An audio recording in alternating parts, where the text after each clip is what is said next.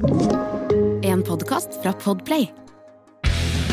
Metallica er et av verdens største metallband, og det må jazzes om.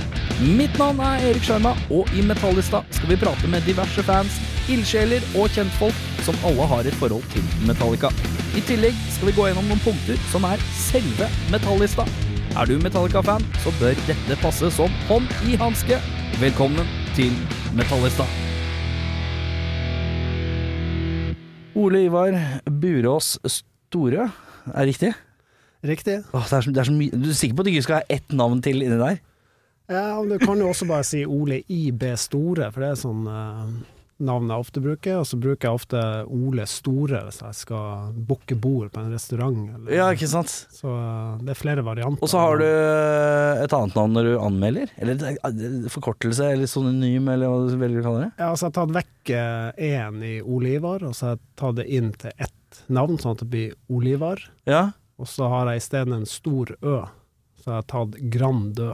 ja. Så det er et slags ordspill der. Så Oliver Grandø er Men er det fordi er det, det er, er det for å uh, For du skriver jo anmeldelser for musikknyheter.no. Ja. Uh, blant annet. Anmelder du noen andre steder for andre ting òg, eller? Nei. Nei. Men er det, er det litt for å unngå sure Oslo-band som er grinte for et eller annet? Ja, nå har jeg jo stort sett eh, anmeldt plater som jeg egentlig liker. Ja. Det er ikke så ofte jeg slakter plater. Okay. Legger, legger meg på en sånn litt uh, mellom syv og ti, stort sett, eh, Ja. hver gang. Men eh, jeg vet ikke hvorfor. Det var bare når jeg begynte å skrive i 2009, var det vel, så ja, fant jeg ut at jeg kunne liksom ha det litt morsomt med, med navnet mitt. Selv om det er jo et musikalsk navn med Ole Ivar i, i det. Liksom. ja, ikke sant? Så, um, Fordi ja, det er jo litt av hovedgrunnen til at jeg inviterte deg inn, jo til å at du har skrevet mye anmeldelser. Og jeg syns det er interessant eh, å prate med noen som anmelder musikk.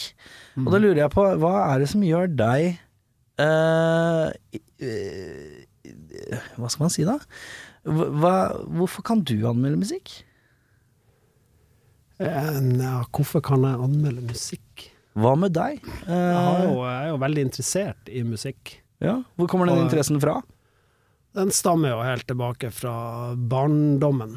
Uh, altså, jeg var jo Jeg kommer fra en plass som heter Bjerkvik, som ligger i Narvik kommune, ei lita bygd. Mm.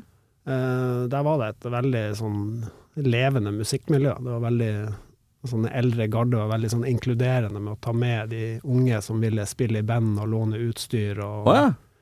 Så det var liksom en, eh, en sånn greie i bygda. Når er vi tidsmessig da? ja, nå er vi på 80-tallet. Mm. Ja, slutten av 80-tallet, kanskje. Men uh, hva slags musikk er det som er fokuset da? Ja, så det er jo forskjellige typer band. Det har alltid vært Mm. et sånn Vi har noe som heter musikkverksted, som alltid arrangeres i eh, påsken og romjula, der alle musikerne i bygda kommer sammen og Mm. spiller og jammer og har Du- fest. Og da fikk vi alltid som eh, unge gutter med dårlig heavy metal-coverband, vi fikk alltid en plass der å spille. Ja, men det er koselig. Så vi fikk være der, eh, spille først, og så fikk vi lov til å være der inne hvis en voksen passa på at vi ikke drakk øl. Sånn. Ja. og det var liksom stort for oss å Ja. vite at vi hadde en spillejobb en gang i året. Hva spilte du? Spilte tromme. Oi, oi, oi. Spiller du fortsatt trommer, eller? Eh, nei. Så, Hvorfor ikke? For jeg skulle egentlig bli fotballproff, så jeg la på en måte, ja. Så jeg la på en måte trommestikken på hylla og pussa Hvordan gikk fotballproffheten? Den gikk jo sånn eh, Hva, hva, hvor høyt opp i systemet ble det? Spilte førstedivisjon, altså det Å, ja. nest høyeste. Er det det som er åh, jeg er dårlig på dette her. Obos-ligaen. Ja, det er Obos-ligaen, ja. ja. Riktig. Så jeg drev på der og spilte mye i andredivisjon, men eh, Men kan, kan man ikke spille fotball og spille trommer, da? jo. eh, Jeg tenkte jeg skulle komme inn på det litt etter hvert. Ja. for at altså man kan jo spille Man kan drive med idrett og drive med musikk også. Ja. Det er fullt mulig, men eh, jeg var liksom den eneste i bandet som drev aktivt med idrett. Og når jeg skulle begynne på videregående og satse litt mer seriøst på fotball, så ble det ikke tid til å drive og spille masse trommer. Jeg var jo heller ikke sånn For det er litt rart. Det er Det er liksom to forskjellige camper. Er, det, når jeg tenker meg om, så uh, Det er sjeldent jeg hører om folk som driver med idrett på høyt nivå og musikk i tillegg. Ja, altså det var i hvert fall før det sånn livsstilmessig er det jo heller ikke Ja. helt eh, gunstig. Uh, så jeg det- spilte jo med altså, fetteren min Robert Burås, som spilte i Madrugada. Oh, ja, og My. Midnight Creeps, som Ja, ja, dessverre døde i 2007.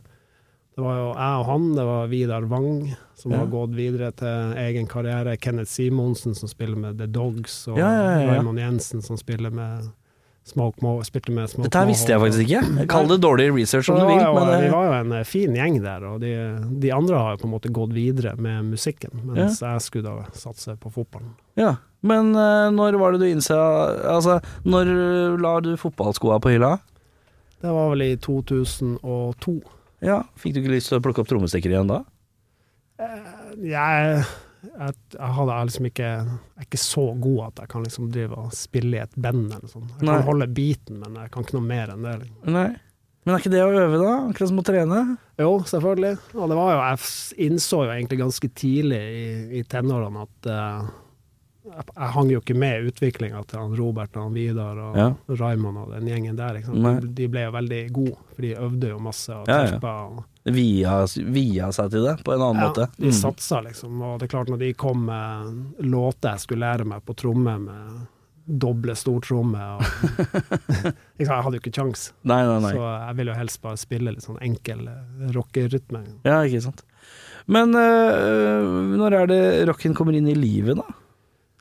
Er, hva, hva er Det første elgitarbrøla du hører? Ja, så det her er jo litt relatert til tema i, i denne podkasten. Jeg var veldig opphengt i Gekki og Muffe og Creation og drama. Sånn, Å, ja. jeg, var, jeg, var, sånn- jeg var litt sånn boyband-fyr helt Ja. frem til eh, jula 1986.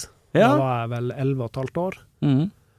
Da var, fikk jeg en mixtape til jul av en eldre fetter. Ja. Som uh, hadde liksom sett seg lei på at jeg hørte på dårlig musikk. ja. Jeg hadde også en fetter som dro meg Han, Ja, men de han- er viktige, de, De er vi- litt sånn eh, eldre Jeg hadde eldre fetter som er fire-fem år eldre eller noe, Ja. som eh, sa du, du, Nei, nå må du kjøpe du må, Nå må du begynne å høre på Nirvana. ja, ikke sant? Og Deftones. Det, det var de to jeg måtte begynne. Og da var jo han eh, i sin kanskje tyngste fjortisperiode, men allikevel, det, det, han pusha det på meg. Ja. Så han lurte meg da inn i en platesjappe i Danmark, og så sa jeg så ville jo jeg ha uh, Nevermind, hit-albumet hitalbumet til Nirvana. Men han lurte meg til å kjøpe Bleach i stedet for, bare for å være ekstra vrang. Men eh, den dagen i dag så er jeg jo takknemlig for det. Ja, så det er altså- viktig med sånne fettere, ja. Han uh, Tor Willy, som han heter, han, jo, han har jo vært utrolig viktig for uh, musikksmaken, eh, ikke bare min, men hele vennegjengen, og egentlig identiteten som vi, som vi fikk tidlig i tenårene. Mhm. den, eh, den kassetten som han ga meg, den hadde han kalt for piggtrådmusikk for Ole Ivar. Å, koselig, da. Og der var eh, Du har ikke den fortsatt, eller? Jeg har han, men jeg lurer på om jeg tok over han av en eller annen merkelig Og du teipa over det? Ja. Men har du fortsatt kassetten hvor det står det på? ja. Jeg Det har, er, jeg har, jeg har det er nesten liksom som man rammer inn, det, føler jeg. Ja, den er, den er En viktig. milepæl i Og musikkinteresse. første låta på den, jeg husker jeg når jeg, jeg og Robert satte den på da etter eh, vi hadde åpna julegavene og vi Ja, ja, ja. kunne gå på rommet og leke, så satte jeg på den, og det var jo rock'n'roll med Led Zeppelin. Ja, ikke sant. Så er det klart, når du da, da det var vant til å høre Blue Sky med Creation, og så fikk du den opptellinga og starten Ja, ja, ja. der, det var sånn, vi skjønte ingenting. Det var sånn hva faen er det som skjer?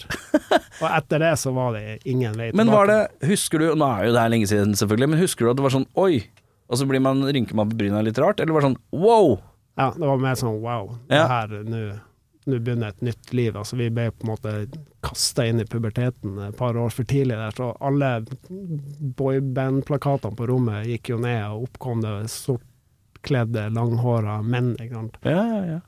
Så morsan skjønte jo heller ingenting. Husker du hva annet som var på kassetten da? Husker jeg? Noe annet som var på kassetten? Ja, jeg husker hele kassetten. Det var rock'n'roll Led Zeppelin, det var um, ACDC Hellspells, begynte side B. Ja, Det var helt til skeltet med Beatles. Ja. Jeg husker når jeg ga blisters on my fingers. Det var en sånn type eh, brøl som, jeg, som skremte meg litt. Ja, ja, ja. Det var Since You Begun med Rainbow. ja, ja, ja. Så han, eh, det var Ole, altså gamle Ole Idole, This Town Ain't Big Enough for the Both of Us. Det tror jeg var en sånn er morsomt. Ja, jeg er jo Jeg er født i 87, så er jeg jo litt sånn seint til veldig mye. Eh, Så Men Ole Idol er innsett sånn Jøss, Ole Idol var mye større enn jeg trodde han var. For meg er han bare han kisen fra Idol de første sesongene av Idol. Ja, Men han, Idol, eh, ja, var noe greier, han. Det er sant det. Han gjorde noe greier eh, på 80-tallet der, og den, den, den låta er faktisk eh, litt kul enda, syns jeg. Mm. Og det var mer sånn stikk til, eh, til meg at den bygda er for lite, og du må på en måte komme deg ut. Mm. Så det var en slags dannelsestape der. Og det var, Ja. det var Maiden, Aces High, det var, ja, Balls to the Walls med Accept. Altså, det, var, det var alle de klassikerne, Dio og Mm. Så da var det jo rett inn i metal Uh, Ja, for det er, eh, det er Der er det jo uh, Accept og liksom sånne type ting. Det er jo Maiden og alt dette her. Da hopper man rett inn i metallverdenen. Det er ikke nok med liksom uh, classic-rocken inni der, men det er uh, godt ispedd blanda. Det er jo en knallgod Men den, start. den viktigste låta, jo, som du da skulle definere med videre framover mm. mot ja, ungdomsskolen og til jeg begynte på uh, videregående, det var jo 'Creeping Death' med Metallica. Det var låt nummer tre på Og det var liksom, jeg husker når den kom, så var det et sånn ekstra kick. Ja. Så det førte meg jo da rett uh, inn i platesamlinga til han fetteren min og Ryder Lightning, og han hadde jo alle skivene, og da lærte jeg litt om det li lille han visste om bandet til da. Ikke sant? Ja, ikke sant. Lars Ulrik var dansk og hadde opprinnelig vært uh, tennisspiller. Ja. Det var en sånn ting som, som jo trigga meg, sant? med at jeg drev med fotball og musikk. At han, Ja. faktisk han òg gjorde det. Og at Steve Harris hadde eh, i Maiden spilte bass, og det var fotballproff. og ja, ja, ja, ja. og Steve Harris møtte jeg faktisk på fotballskole i 1990 borte på Kalvøya. Så det var, Gjorde det? Ja, det var svært. Hvorfor var han der? Ja, var, var, sånn celebrity guest det var han og Bruce Grobelar var på en måte invitert, så jeg fikk billett til Maiden og Entrax i Drammenshallen. Å ja. ja, det Dæsken. Må, må ikke si Du må, må si ifra til Torkil her borte. Det skal jeg si ifra til Torkil. Torkil er jo så Han har jo podkasten Gammal Maiden her. Ja. Så han er jo alt som er Maiden, så går jo han i Ja, ja, stå, ja. Jeg har et veldig artig bilde der eh, av meg og Steve Harris. Vi står begge to i fotballtøy, og så står han og, og peker på meg sånn. Så står jeg og holder fingeren over sånn. Så det, virker, det virker helt eh, sykt, det bildet, men det, var, det var en stor. Og det fins Det er òg en litt morsom historie. Det fins et, eh, et klipp på TV, TV Norge var lagd en reportasje. Fra Kalvøya der, Ja. eller? Ja. Og så sier jeg var Liverpool-fan og Maiden-fan, som jeg på en måte plukka ut Mm. til å være Men Steve med. Harris er vel Westham-fan, ikke han er Westham-fan. Ja. Og så skulle de arrangere sånn der um, Jeg skulle spille ballen opp på Steve Harris, og så skulle han legge den tilbake til meg, så skulle jeg skyte på Bruce Grobelar i mål, da. Se her, ja! Ja, og så fikk ballen en sånn liten sprett akkurat idet jeg skulle skyte, så jeg fikk en sånn klokkereint treff. Så ballen bare føyk rett inn i nettet, uten at Grobelar rakk å liksom røre hendene. Åh, det det er et så- deilig ja, Det var så utrolig morsomt. Og det ble selvfølgelig Jeg ble jo intervjua etterpå, hvordan det var å score på Er det sånn det ligger på NRK nett-TV eller et eller annet, eller? Ja, TV Norge, så Norge. det, ligger nok sikkert i arkivet en plass. Jeg skulle gjerne likt å se på det, for jeg var litt sånn kokke med hockeysveis og Så ja, morsomt. Men, men da ble jo Metallica ble jo bandet da i 86, så ja. varte det jo fram til Det som er litt pussig med for at jeg, var, jeg, jeg slutta på en måte å høre på Metallica når de ble megasvær med Black Album, Ja. for da kom Nirvana og mm, Grunge-bølgen. Ja, like, var du en fan av den grunge-bølgen, eller? Jeg gikk jo rett inn i altså, Hvor gammel var du da? Da var du Da begynte på videregående. Akkurat Perfekt timing, da. Ja, Ja. 16 rett inn i ikke sant? Og så kom uh, britpopen etter hvert. som Husker du hva av grunchen som var, eh, var liksom toppen for deg? Var det liksom Soundgarden, Nirvana, Pearl Jam? Hvilken av de var det som rava høyest hos deg? Ja, det var Pearl Jam som var Ja, bandet. ja. Var veldig glad i Pearl Jam. Jeg likte Nirvana òg, men uh, kanskje mer liksom stilen og det liksom opprøret. Mens Mm. låter og plater, så jeg, dyrker jeg nok mer eh, Pearl Jam. Mm. Og så kommer den Doors-filmen òg, husker du den med Val Kilmer? Ja, Val Kilmer. Den var òg litt sånn For da kunne man plutselig begynt man å høre på litt gammel musikk igjen. Mm. liksom. Så hadde vi en veldig eh, bra eh, platesjappe i Narvik som heter Ekko platebar.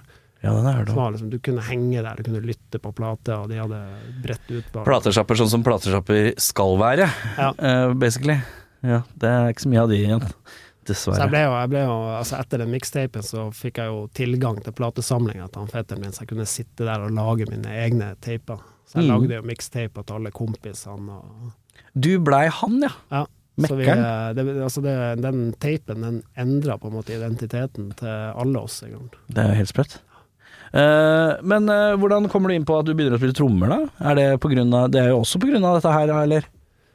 Ja, altså det var jo uh, jeg og Robert som fant ut at vi skulle eh, starte band. Han ville jo spille gitar, for det gjorde faren hans, altså onkelen min. Mm. Og så hadde jeg en, eh, en eldre slektning da, Mm. som spilte tromme, så han kunne lære meg. Og... Så sånn begynte vi, og så kom Raymond inn på bass. Men hva var det dere spilte da? Hva var det dere lærte dere å spille?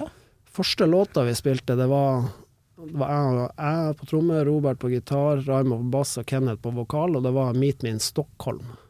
Av den? Jeg vet ikke hvem som har den. Det er, bare, det er en sånn låt som vi bare Vi sang den i engelsktimen. Ja, okay. Meet me in Stockholm, baby, don't mess around. Ja. Så vi, den, den var den første vi fikk til. Og så Ja. lærte faren til han Raymond Han lærte oss gitarboogie. Ja. Så den, eh, det var liksom instrumentalversjonen. Og så begynte vi å covre Backstreet Girls og ACDC og ja, riktig. Liksom boogie-rock. Så når Vidar Wang og en som heter Jan Roger Trønnes kom inn Som Så må- det fins faktisk band der ute som har uh, starta med å covre Backstreet Girls. Det syns jeg er interessant. Ja, Det er, eh, det er eh, Backstreet Girls er jo, eh, i mine øyne, på en måte litt sånn um, Norges Ja, det er på en måte Norges eh, litt sånn unsung heroes eh, i boogie-rocken. Ja. De siste åra har det jo folk, blitt litt dokumentarer litt sånn som har kasta Ja. litt mer søkelys på det. Men litt sånn konstant underdog-vibe på, på Backstreet Girls, som er noe av sjarmen blitt. ja det er jo Fordi at de er eh, De er sånne lifers. De, er, de kommer til å være de, de rockerne der til de går i grava. Ja, for meg ser de likens ut enda som det gjorde når jeg begynte å høre på de på Boogie Till You Puke-skiva. Ja, ja, ja, ja. Nei, det er fascinerende, fascinerende Ja, vi altså. covra vel uh, tror jeg Back in Jail fra den Mental Shakedown, og så Ja. uh, Give Me Just a Second. Fra, Mm. Og så ble vi jo litt sånn, kom jo litt inn i puddelrocken og glemmen og sånn. Vi begynte jo liksom Motley Crue og Ja, Men da når vi ble det, det andre bandet, altså det første Hadde du noe bandnavn, eller? Jeg er Ja. veldig glad i bandnavn. Vi hadde mange. Vi het Sorrow, og vi het Sorrow er ikke så dårlig. Mindcrime, det er ganske dårlig. Men det vi endte på, det første bandet med Robert Raymond og Kenneth, det var Stainless Steel. Stainless steel. Ja. Og så kom jo Det da er litt sånn føler av man har lest av et produkt. Av en sånn Ja. kniv eller noe sånt. Ja, det var sånn vi fant det ut. Ja. Sto bak på ei klokke. Ja, ikke sant? Og så ble det da, når det ble et nytt band med, med Vidar og Jan Roger eh, og Jan Robert, så, så kalte vi oss først for Black Harlem. Black Harlem. Som var litt sånn pussig, fordi at um, Robert hadde hørt om en bydel i New York som heter Harlem, Harlem. ja. Der det bodde svarte folk. Så Ja. jeg vet ikke hvorfor vi skulle putte på Black Harlem, men det hørtes liksom litt kult ut. Ja, det er f, f, Ja, for fire liksom bleike karer fra nord, så er Harlem ikke helt den mest rendyrka referansen. Og du klinker på ei lita black i tillegg, som er ganske unødvendig. Ja, det er var litt sånn tåpelig. Og så ble det vel, eh, tror jeg vi kalte oss Cynical Made etter det. Cynical Made, ja. For det var litt sånn litt Maiden-referanser. Da, men, Ja. og da, drev vi, da covra vi mye rart. Det var liksom sånn Dream Police, husker du? Dream Police. Med han der uh, René Andersen, tror jeg, som sang den. Her var sånn blues-rock-band som jeg oh, ja. ga ut et par skiver. Vi, vi, da covra vi masse ACDC, The Trooper med Iron Maiden, Mm. så, uh, og Fan Halen og sånn. Da var vi Vi, vi lagde ingen låter sjøl. Hvorfor, hvorfor gjorde du ikke det? Jeg vet ikke, vi, vi, det var liksom ikke Interesse vi for det? tenkte ikke på det engang.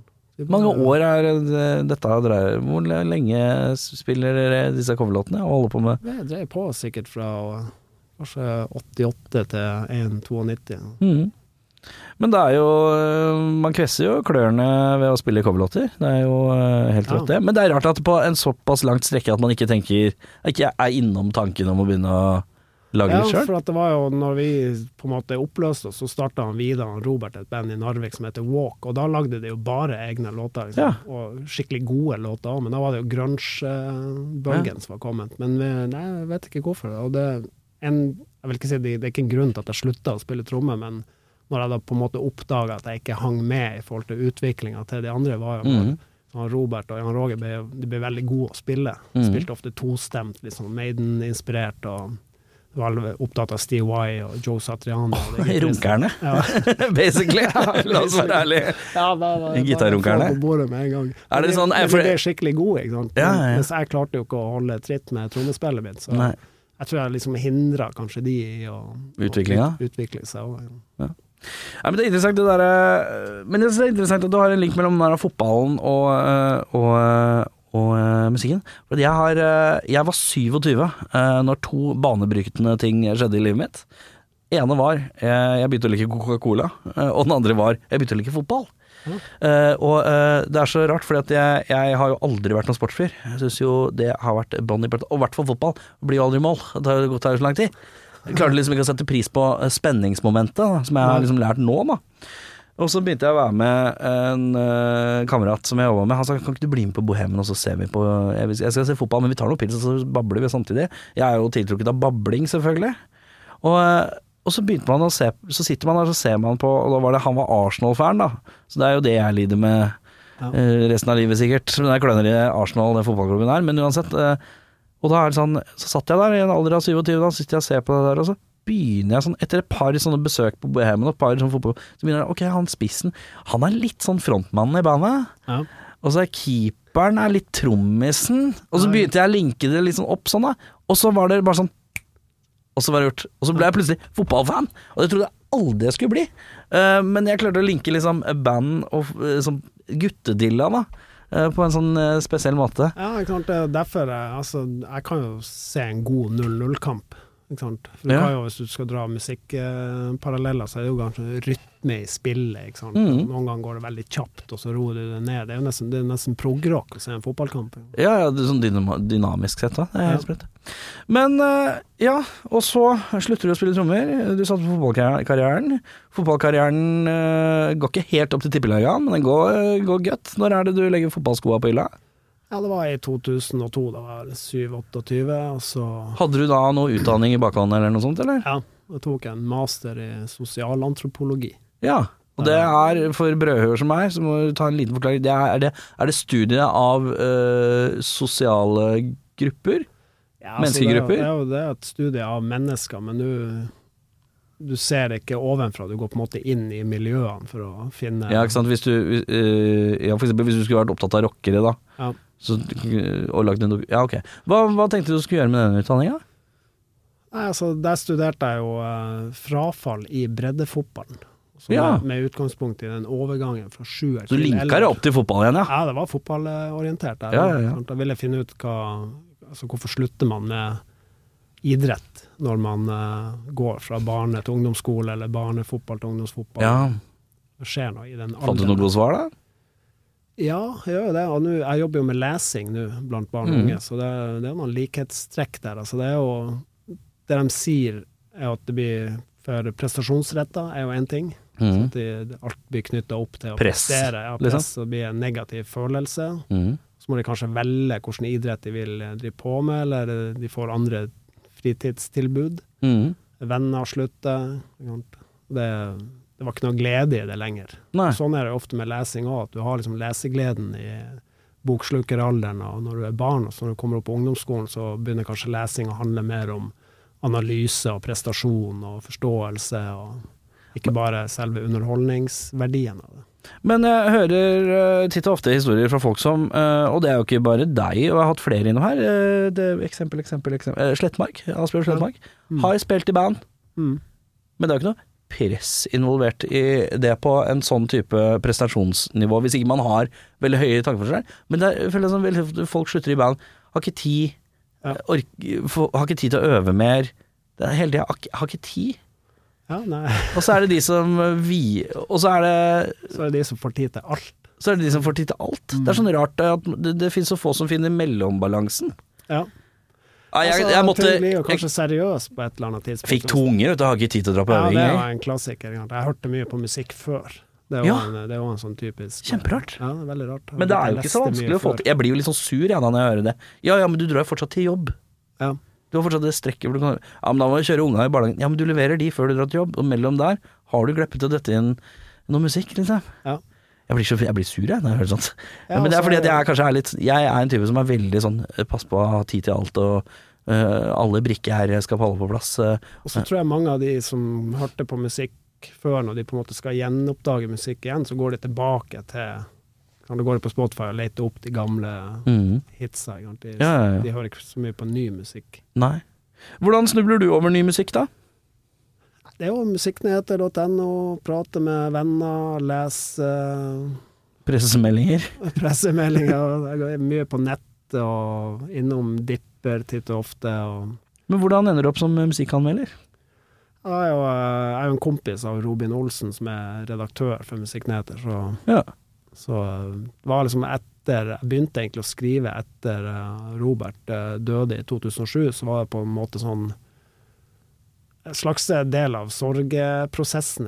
Mhm. hvor, eh, hva var det vi hadde til felles, bortsett fra at vi var i slekt og kom fra samme bygd og familie? Det var jo, det var jo musikken. Det var det på en måte som var limet i, i, i vennskapet. Så jeg ville på en måte prøve å møte han igjen gjennom musikken. Da tenkte jeg kanskje det å skrive og sette seg inn i musikk i mye større grad er en, en måte å gjøre det på.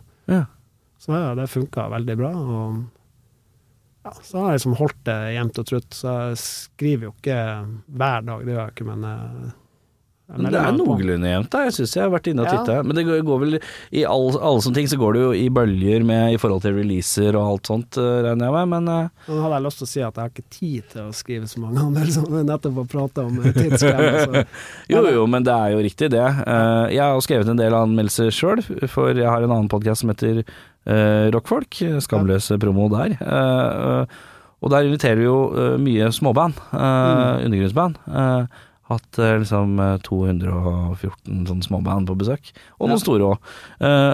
og eh, Norge har jo så i motsetning til f.eks. land som Tyskland eh, og sånn, så er det jo Vi har så få sånne nettsteder som skriver om eh, ikke bare når Rammstein kommer med ny plate. Ja. Skriver om de små tinga, da. De Mm. mindre tinga. Eh, det er liksom en sånn liten håndneve. Og det, det man merker i veldig mange av de håndnevene, er at uh, musikknyheter syns jeg er ganske flinke. For de holder Der er det ganske mange som anmelder, er det ikke det? Fire-fem stykker? Jo, han har vel, det er vel flere som er i den eh, basen. Det er jo mye Ja. unge folk òg som eh, kanskje får sitt første møte med publisering og skriving. Og, Så det Mhm. er på en måte et sånt steg for mange òg. Ja. Og så er det jo eh, Det kommer jo inn plater, så vi har en sånn pool som vi velger plater fra. Ja, hva du vil anmelde, eller så spør redaktøren om du kan tenke det, eller så kommer du med et initiativ sjøl. Jeg prøver jo ofte å finne liksom ting som jeg har lyst til å formidle ut. Ja, som jeg tenker det her, er, det her er kult for folk å høre. Mm. Eh, ja, vi får jo veldig mye pressemeldinger fordi at vi skrev mye anmeldelser for, uh, før koronaen. Så har vi, og da er det hovedsakelig jeg som skriver, fordi at jeg vil at uh, Og det er kanskje en sånn rar tankesett, men jeg vil at alle skal få samme vurderinga. Ja. Og så hører jeg på ting Jeg hører Jeg skriver på hva som helst. Jeg hører, sjekker på hva som helst. Eh, Så lenge jeg har tida til det, selvfølgelig. du er liksom altetende i Ja, musikksmaken. ja eh, det, er det er ikke nødvendigvis, men jeg innbiller meg sjøl at jeg kan eh, eh, se pluss og negativer hos de fleste, da. Mm. Uh, og jeg skrur litt eh, lyd og sånn, så jeg kan høre etter sånne ting, og litt sånn produksjonsmessige ting og sånn, da. Ja. Uh, men eh, for eksempel, nå har det gått to år eh, hvor det har vært korona, lockdown, folk slipper ikke så mye, men jeg har også vært opptatt med andre ting. Eh, jeg får så dårlig samvittighet. For jeg føler at det er litt sånn sånn derre Det er så viktig jobb, da. Og det er så få sånne sider som skre, skriver anmeldelser. eh, og i hvert fall kanskje litt ting som går under radaren fra det store og det kommersielle. Eh, og man merker det så fort òg, på, på veldig mange sider, da, Mm. at Å ja, nå, nå var det lite anmeldelser der i en periode. Og det er fordi at de er to stykker, da, og Ja. begge er opptatt med et eller annet. Og så men det er kanskje noe av det som gjør meg mest dårlig samvittighet i hele verden. Det er at jeg ikke kan skrive mange nok anmeldelser. Ja. For jeg føler at det betyr så mye for så mange. ja, det gjør det. det- Helt sprøtt hvor mye det betyr. Det er Viktig for bandene, men også viktig for eh, den offentlige samtalen om musikk. Og Ja. Det samme på litteraturfronten òg. Det å anmelde bøker og få i gang en samtale. er- Det er, sånn, det er, det er viktig demokratisk spørsmål òg, tenker jeg. Men øh, når du anmelder ting, hva, hvordan mindset går du inn hvis du skal høre en låt for første gang? Har du noen rutiner? Eh, det jeg i hvert fall gjør, er at jeg hører plata mange ganger. Ja. Hvor, Så- har du noe sånn fast antall? Ja, har jeg, jeg vil ikke si at jeg forsker på det, men jeg tenker at sånn minst fire ganger må du høre plata. Ja, det syns jeg er smart. For det er ofte at den sniker seg inn etter hvert. Ja, Så ofte kan jeg liksom bare høre litt igjen og tenke at her, er, her er noe å bygge på. Mhm. Og så, så tar det meg tid å høre, og da Vi får jo stort sett digitale filer, så det blir jo med headset eller ja. ja, via anlegget hjemme man hører på det. Så, Jeg, har, eh, jeg la ut en artikkel en gang eh, hvor jeg skrev 'Hvordan anmelder egentlig rockfolk musikk?' Ja. Og så skrev jeg da eh, Nå er det lenge siden jeg har sett, eh, sett, eh, eh, sett på det her, men jeg har et par spørsmål som jeg tenker jeg kan krysse litt med deg, ja. som er musikkanmelder i tillegg, da. Mm. Uh, for eksempel um, uh, Jeg har skrevet Hva i all verden gjør oss verdige til å peke finger og uttale meg om musikk? Og det er svart ingenting. Har jeg svart på meg. Egentlig ikke. Fordi det blir så personlig. Hva tenker du om det? Tenker du at du har kompetanse på noe vis? Utenom å bare være glad i musikk?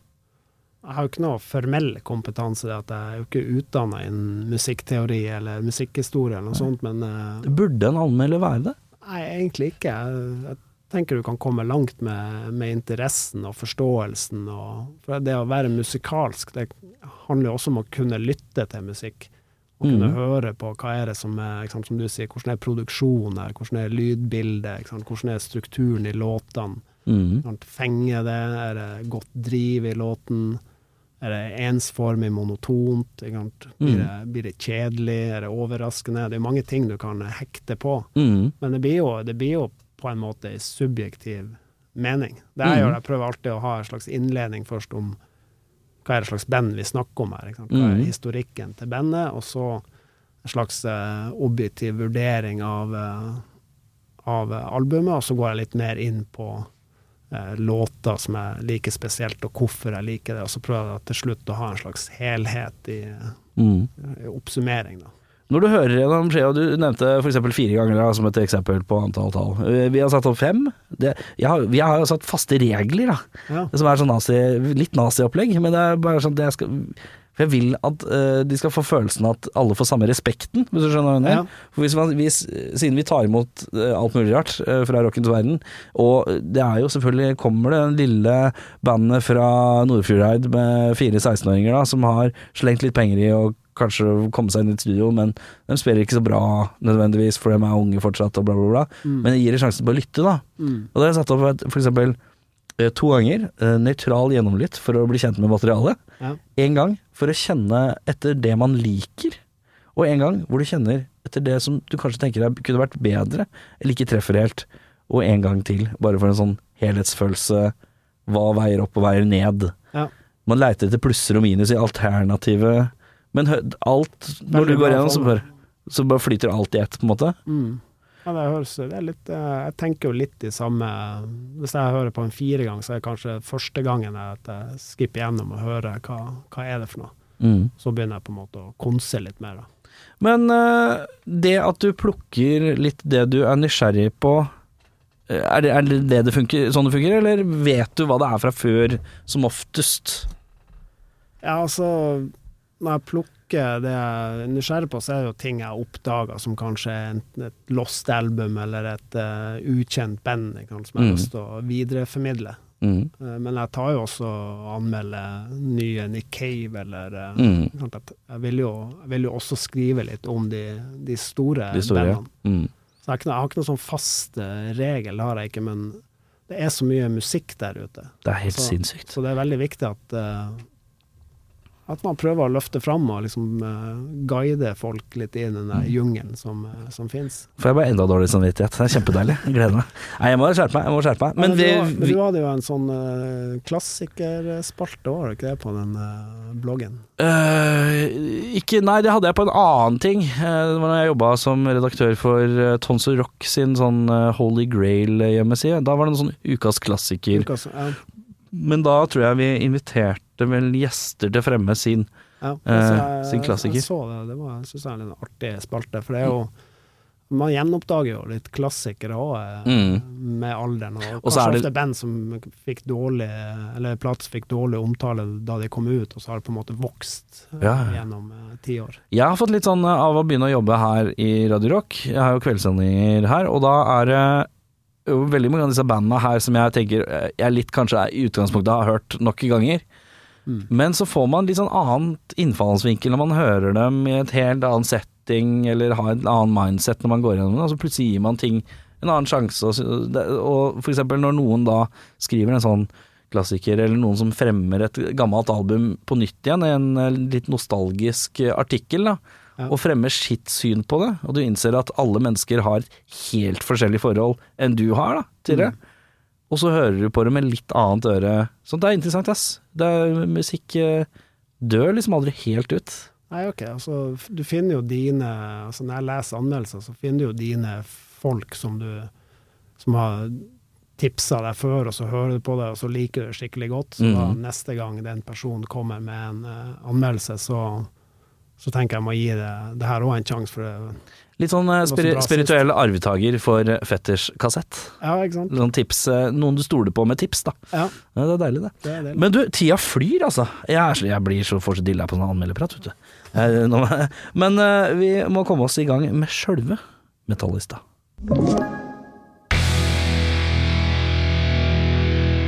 Da skal vi inn i selve Metallista, og da må vi etablere Du nevnte Creeping Death på denne kassetten. Har du noe forhold til Metallica utafor den ene låta på den eh, ene kassetten back in the day? Ja, veldig nært forhold til eh, platen på 80-tallet spesielt, men også Black Album. Det, Mm. Så falt jeg kanskje litt av etter det. Ja, det er mange som gjorde det. Mm. Eh, men uh, uh, hva var første Metallica-skiva du kjøpte? Husker du det? Ja, det var vel uh, Eller var det sånn at Det du var Ride the Lightning, og så kjøpte jeg Kill Em All Master Puppets. Det gjorde jeg jo ganske kjapt etter jeg hadde fått vinyl.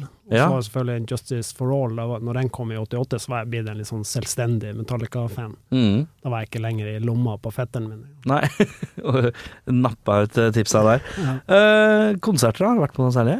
Eller vært på ikke, ikke se dem eh, live. Ikke se dem live? Er ikke det litt sånn man burde se før man dør? Jo, jeg har Selv om lyst kanskje til interessen ikke er like høy i dag som den var den gang da, så er det noe man Jeg tror jeg hadde begynt å like det. Ja. Garantert. Så- Men uh, har du noen andre band som står på lista over 'dette må jeg se før de dør'? For nå begynner et par av disse banda å nærme seg Ja, det virkelig. gjør jo det. Jeg har jo sett Maiden, jeg har sett ACDC, jeg har sett Antrax.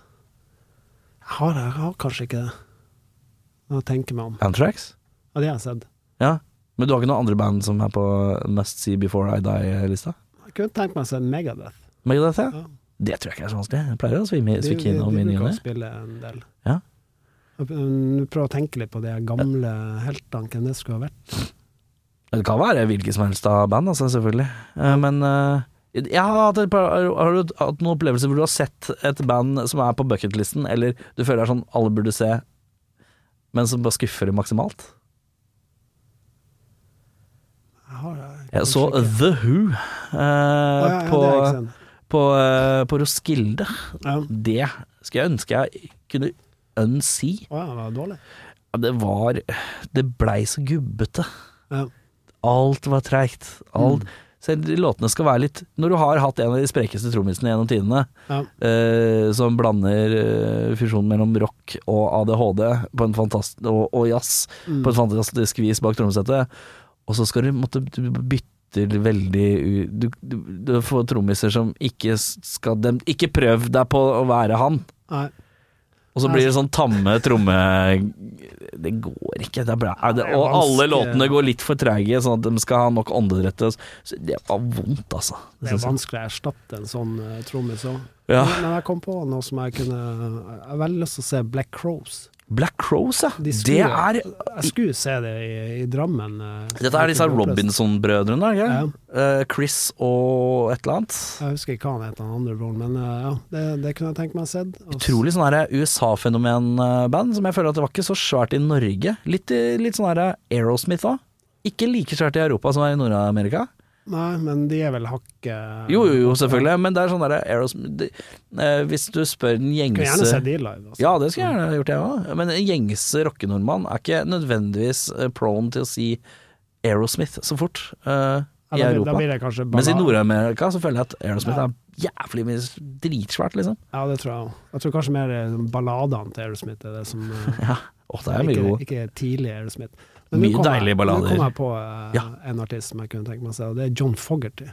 Og han har jeg hatt mulighet til å se et par ganger, men ikke klart. Men han er en Jeg har lyst til å se han før han blir altfor gammel og ikke Jeg så forresten Chuck Berry da han var Gjorde du det? 83, og det var ikke det det var ikke noe duckwalk, det var Nei, så vidt walk. Ja, det var, han satt mye og spilte, og det var, Ja, men det det var nedtur, rett og slett. Det morsomt med at Chuck Berry Drev han fortsatt da og leide lokale musikere? For det husker jeg han drev med. Han, ja, stemmer. Han, han, sånn han hadde aldri fast band. Han bare hadde lokale musikere som han sendte 'dette skal spilles', ja. og så fikk de beskjed av managementet at det bør være Så jeg tror at hver gang han spilte i Norge, så var det noen nordmenn Ja, det var det. Likbleike nordmenn fra Bergen eller noe sånt i bakgrunnen som sto og, og gruva. så gikk han aldri på scenen før han har fått honoraret. Ja, ja, liksom- ja, ja. Og det var vel back in the day så var det bare cash eh, i en sånn bag. Ja. eh, Ordentlig deilig. Ja, han var businessmann også, han. Ja. Helt klart. Faen, det er mye- mange av de kule eh, fra den eraen der òg. Jeg har en, sånn- en på lista jeg skulle gjerne skulle sett i liksom på, Men når han var ung. Sånn Little Richard, for eksempel. Ja. Ja, Sånn der så-. Det hadde vært dødsfett, ass. Eh, men eh, hva var det vi snakka om? Ja, eh, Metallica. et Band Mm. du kunne tenke deg å se. Eh, ja, det var ikke noe mer enn det. Det var det vi var på. jeg har lyst til å se dem eh, live. Ja. Uh, uansett hvor bra eller dårlig det er, så jeg, har bare lyst til å se Men de har jo vært der mange ganger. Hvorfor har ikke, hvorfor har ikke Jeg turen? Jeg vet ikke hvorfor jeg ikke har tatt turen, rett og slett. Ja, nå er ikke noen unnskyldninger. noe. Skal jeg hytte med neven neste gang du ikke gjør det? Ja, for det sist var de vel i eh, Telenor Arena, var det? Ja, noe sånt noe. Ja. Det det- er, sånn, det er et kjedelig konsertlokale òg. Kjedelig, og lyden er litt skrenglete. Ja. Uh, eneste gangen jeg har hørt eh, bra lyd på uh, Telenor Arena, er når uh, bandet har tatt med eget P-anlegg, Ja, og ikke bruker husets anlegg. For det er veldig mange som klager på akustikken og bla, bla, bla. Jeg klager litt på anlegget. Det er ikke Ja. satt opp i henhold til rommet på en god, ja, godt nok vis. Såpass eh, detaljert. Ja, det tror jeg. Fordi at det var også Pearl Jam, som vi nevnte eh, tidligere. Mm. Så dem der. Dritbra lyd.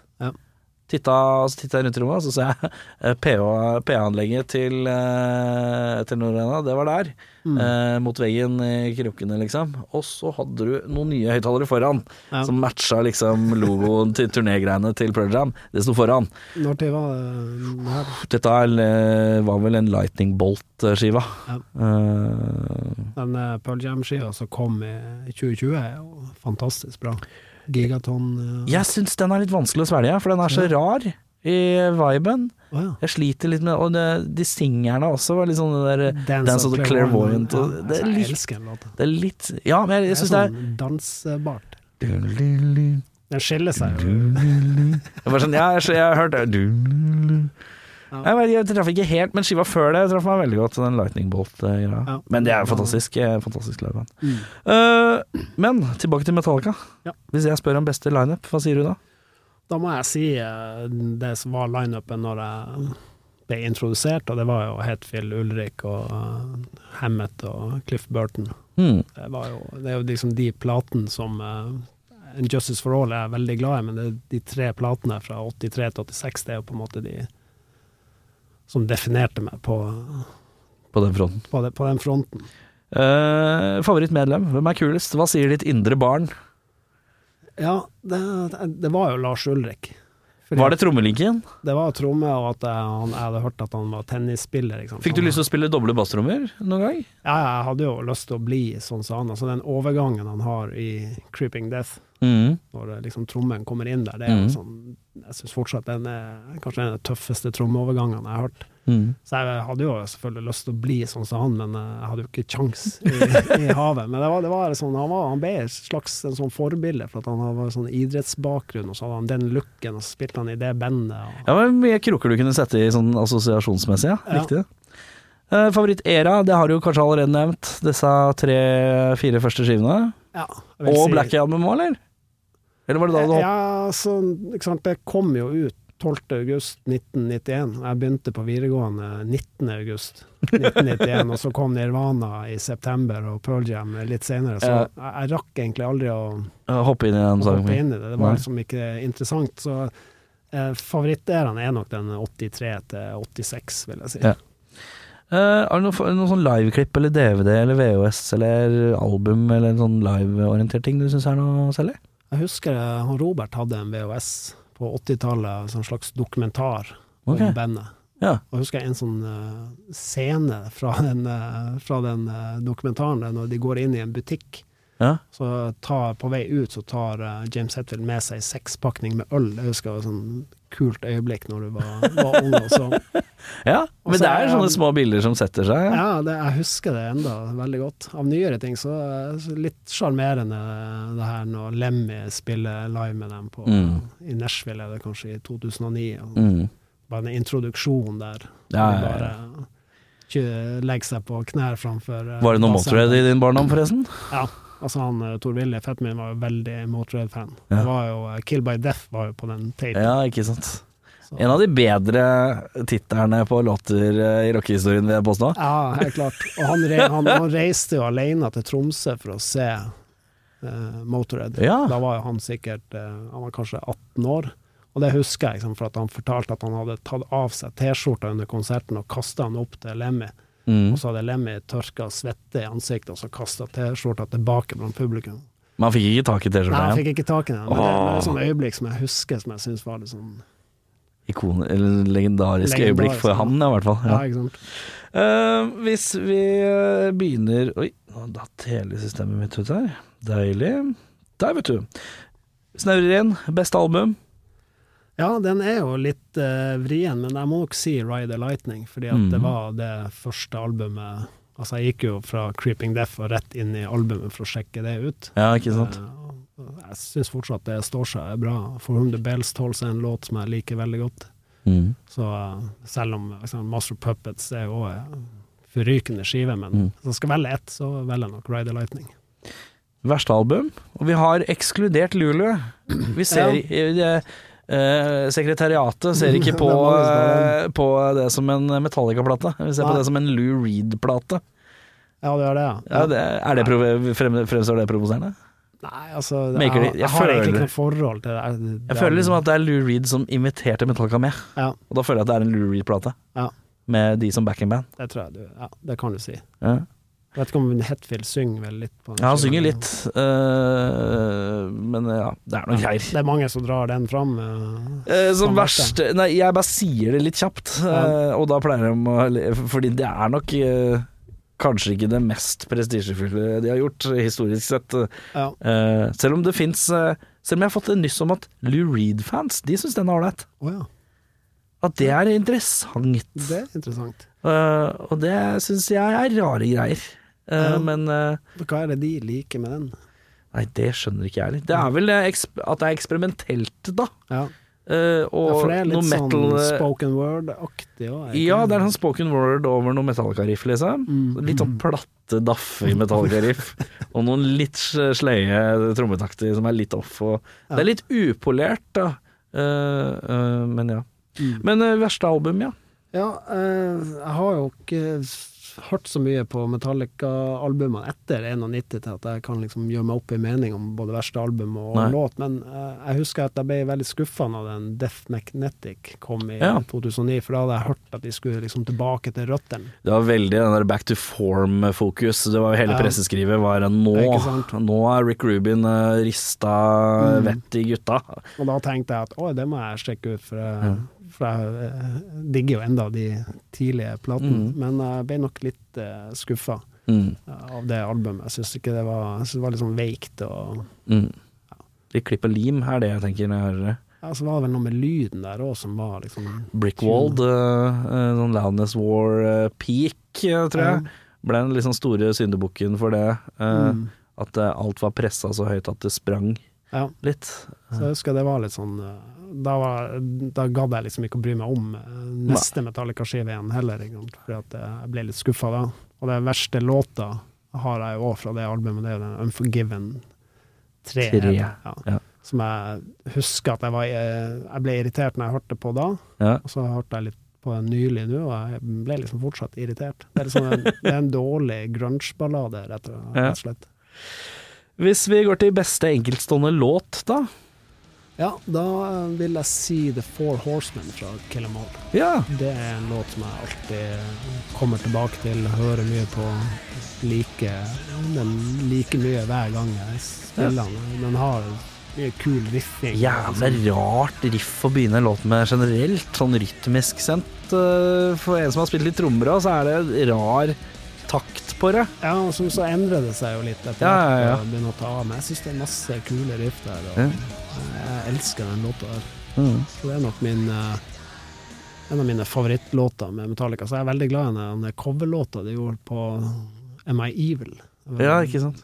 Diamond. Diamond Head, ja. ja. Som er B-sporet på Creeping Death. Ja. Jeg syns den òg er en veldig eh, kul versjon. Mm. Verste låt? Og det var den du Ja, nevnte i lista? Ja, det var det jeg sa om Unforgiven. Som Unforgiven ja. 3. For jeg liker jo Unforgiven på Black Album. Det syns jeg er ganske Ja, ja, ja. Og så er det Unforgiven 2 på Reload, og så er det Unforgiven Ja. 3 på Ja, det er vel Death Magnetic, ja. Ja, ikke hørt det. Nei, det er på Hardwire til Det er den siste skiva, faktisk. Nei, nå ble jeg usikker. Nei, det er Death Magnetic. Ja, De blandes litt i hop. Og så begge har en sånn hvitt fokus på coveret, så jeg er litt tilbøyelig til å blande litt låter. Eh, men ja, eh, hvis du skal se noe rart nå, så går du på eh, YouTube, og så søker du opp Unforgiven 3 Ja. SNM 2. Ja. Eh, der spiller de den låta, men uten band og bare med orkester. James Hetfield uten gitar i hendene. Det er Hvordan ser han ut uten gitar? Det er nettopp det du må se, skjønner du. For han står Det er noen hender oppe ved ansiktet som er inderlige på et eller annet vis, som vil noe. De vil noe, men jeg vet ikke helt hva. Og så er det noe henda på ryggen, fordi at han innser at jeg veit ikke hva jeg holder på med med disse henda'. Så står han med henda på ryggen og bare så Han står liksom som han står i militæret. Står liksom sånn. Det er kjemperart. Og så noen ganger så er det litt sånn inderlig finger...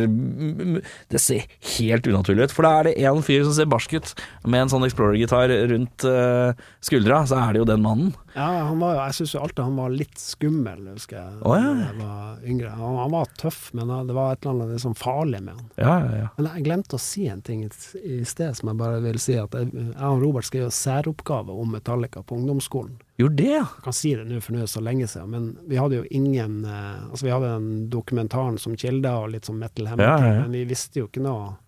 Så du bare fant på ting, Ja, eller? vi, vi fant bare på masse ting. Vi gjetta når tid de var født, og hvor de kunne ha bodd, og ja. Så bare, bare fant jeg på masse info. Fikk meget minus på den. Jeg skulle gjerne likt å lese den særoppgaven. Åh, ja, det er sikkert uh, eh, bare interessant. google, ikke sant. Var, Ja, men var, det sånn farfetch? Var det sånn ja, de er født og oppvokst i Chicago, Illinois i 19... Altså, ja, så tenkte jeg ja, de er sikkert født i 1968, liksom. ja, det bare Mens Lars Ulrik visste vi var fra Danmark, så da var det liksom fokus på det. Ja, ja, ja. Herregud. Jeg vet ikke om han er født i København. Men jeg kan garantere at læreren eh, sikkert ikke visste det heller. Nei, han visste det sikkert heller ikke. Eh, og det var ikke bare å google ting da, vet du. Så du kunne slippe jo- unna med litt og Det var jo bullshit. ikke noe, de fantes jo ikke noe biografier om Nei, nei, nei. nei. jo- Det var ikke noe lektyre å sjekke. Du kunne ikke sjekke opp den eh, Nei, det var ikke noe verifisering av kildene. Nei. Deilig, da. Ja, det var tider, det var litt lettere før. Det var litt lettere før. Uh, jeg har et siste spørsmål til deg. Anbefaling av et band som kanskje Metallica-fans kan sette pris på. Ja, Og det er jo selvfølgelig noe du må like sjøl òg, tenker jeg. det er det. Og da jeg kan Hvis jeg først kan anbefale en label som heter Ripple Music, som er en sånn Ripple Music. California-label som gir ut eh, heavy og hardrock og stoner og doom og Ja, utrolig mye kule utgivelser. Jeg vil gjerne trekke fram to uh, trekk fram to. band derfra. Det første er Freedom Hawk, som er et uh, hardrock-band fra Virginia, tror jeg de kommer fra. Starta i 2003. Ja. Du Må passe på at du sier riktig, for jeg kan google det i ettertid. Ja, det kan jeg. Nå, må Nå, nei, dette er ikke noe særoppgave! Ja, de, de er- driver fortsatt på. Debuten kom i 2008, tror jeg heter Sunlight. Det er Ja. skikkelig kul skive. Det er litt sånn Sabbat, eh, i perioden eh, inspirert, men jeg tror mm. Metallica-fansen vil finne mye glede i det. Masse Mm. kule riff. Og Freedom Hawk med albumet Sunlight. Sunlight. Også det andre som også er på den labelen, er et band som heter The Watchers. Og albumet Black Abyss fra 2018, som var litt mer sånn uh, tunge riff. Eh, men eh, skikkelig kongeskive. Så det er også produsert av eh, Max Norman, som jo da produserte Ossie Osborne på 80-tallet, i glansperioden der. Ja. Og noe Megadeth på 90-tallet, så der har du ja. også en Metallica-referanse. The Watchers med albumet Black Abyss. Black Abyss. Med det Jeg kunne egentlig sitte og babla litt men Ja, vi, vi må gi oss nå. Nå må vi gi oss. Nå holder det i Takk for massevis. invitasjonen. Ja. Tusen takk for at du tok eh, turen innom. Eh, er det noe, gjør du et eller annet som folk må vite om? Det, du holder du fortsatt på med fotnote? Fotnote har en liten pause nå. Men det kommer kanskje tilbake? eller? Ja. Hvis man er glad i uh, litteratur og uh, musikk uh, i skjønn forening, så anbefaler jeg alle å ta en titt på podkasten Ta en titt, ta en lytt på podkasten Fotnote. Det ligger en drøss episoder ute, i hvert fall. Mm. Podkast om musikkbøker og musikk i bøker. Ja, musikk eh, Veldig snevert eh, tema. Det er, veldig, det er litt sånn Oliver Grande. Jeg er veldig glad i ordspill, så jeg bruker det så ofte jeg kan. Ja, ja, ja. Eh, det finner du på Spotify og der hvor andre podcaster høres. Er det noe annet vi må vite? Du kan plugge hva som helst nå, vet du. Jeg vil, Hvis jeg kan drive litt sånn reklame for en kompis, vil jeg anbefale alle å sjekke ut Vidar Wang og bandet som kommer med ny plate nå i juni, og konsert på Krøsset 3. juni. Kommer til å bli knallbra. Det er første gang bandet samles på 16 år, så det kommer til å bli rock'n'roll. Fett. Vidar Wang. Ja. Kult. På krøsset. Eh, og så Ja, da er vi i mål, da. Ja. Tusen takk. Takk skal du ha. Ha det godt, da. Du har hørt en podkast fra Podplay. En enklere måte å høre podkast på. Last ned appen Podplay, eller se podplay.no.